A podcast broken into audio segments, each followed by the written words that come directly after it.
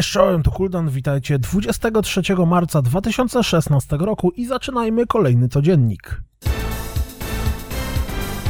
Z nowym zwiastunem dowiedzieliśmy się, że Yakuza Zero pojawi się w Europie na początku 2017 roku.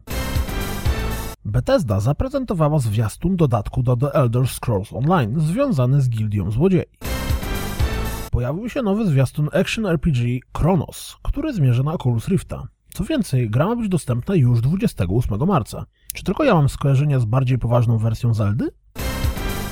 Jeśli jeszcze nie zagraliście w Rise of the Tomb Raider, to może przekona was do tego nowy zwiastun, który przy okazji prezentuje wszystkie DLC, które do tej pory się pojawiły, łącznie z nowym Cold Darkness z zombiakami w roli głównej. Ostatnie DLC, wspomniane właśnie Cold Darkness, pojawi się 29 marca zarówno na PC, jak i na Xboxie One. Pojawił się również zwiastun pixel artowego Hyper Light Drifter, który już 31 marca ma być dostępny na PC. Mimo pixel artu gra wydaje się być interesująca. Później w 2016 roku ma być dostępna również na konsolach. Zmierzający na PlayStation 4 podbajerowany Star Ocean Integrity and Vitalness zaprezentował nowy zwiastun, z którego dowiemy się trochę o fabule gry. Tytuł ma pojawić się latem tego roku. Zwiastunem, który przedstawia stojącego w garażu McLarena P1, zapowiedziano Speed Elixir, dziejącą się w otwartym świecie grę wyścigową. Gra ma pojawić się w grudniu tego roku na PC, Xbox One i PlayStation 4.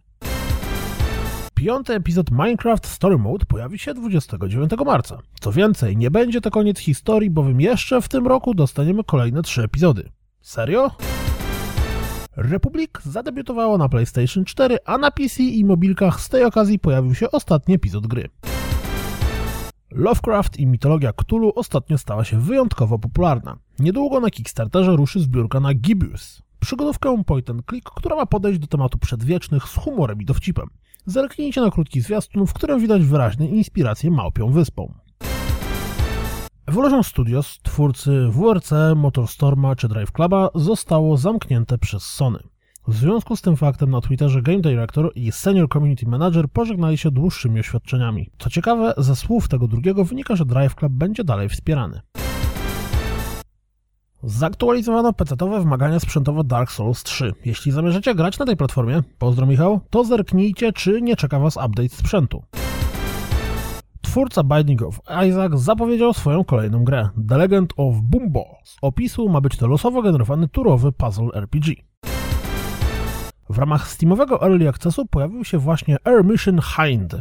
Z krótkiego zwiastunu ciężko to wywnioskować, ale jeśli jest to bardziej Action Combat niż Flight Simulator, to bardzo tęskniłem za takim tytułem. Gra kosztuje niecałe 14 euro i aktualnie znajduje się w niej 35% tego, co ma być dostępne finalnie.